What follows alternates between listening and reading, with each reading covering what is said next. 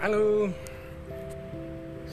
Hari ini lebaran kedua Suasana benar-benar enjoy, happy. Mudah-mudahan sahabat-sahabat di sana juga happy.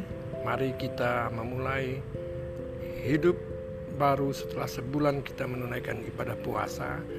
Kita bangun semangat baru Kita berbuat yang lebih baik Kita berpikir positif kita buang jauh-jauh pikiran negatif.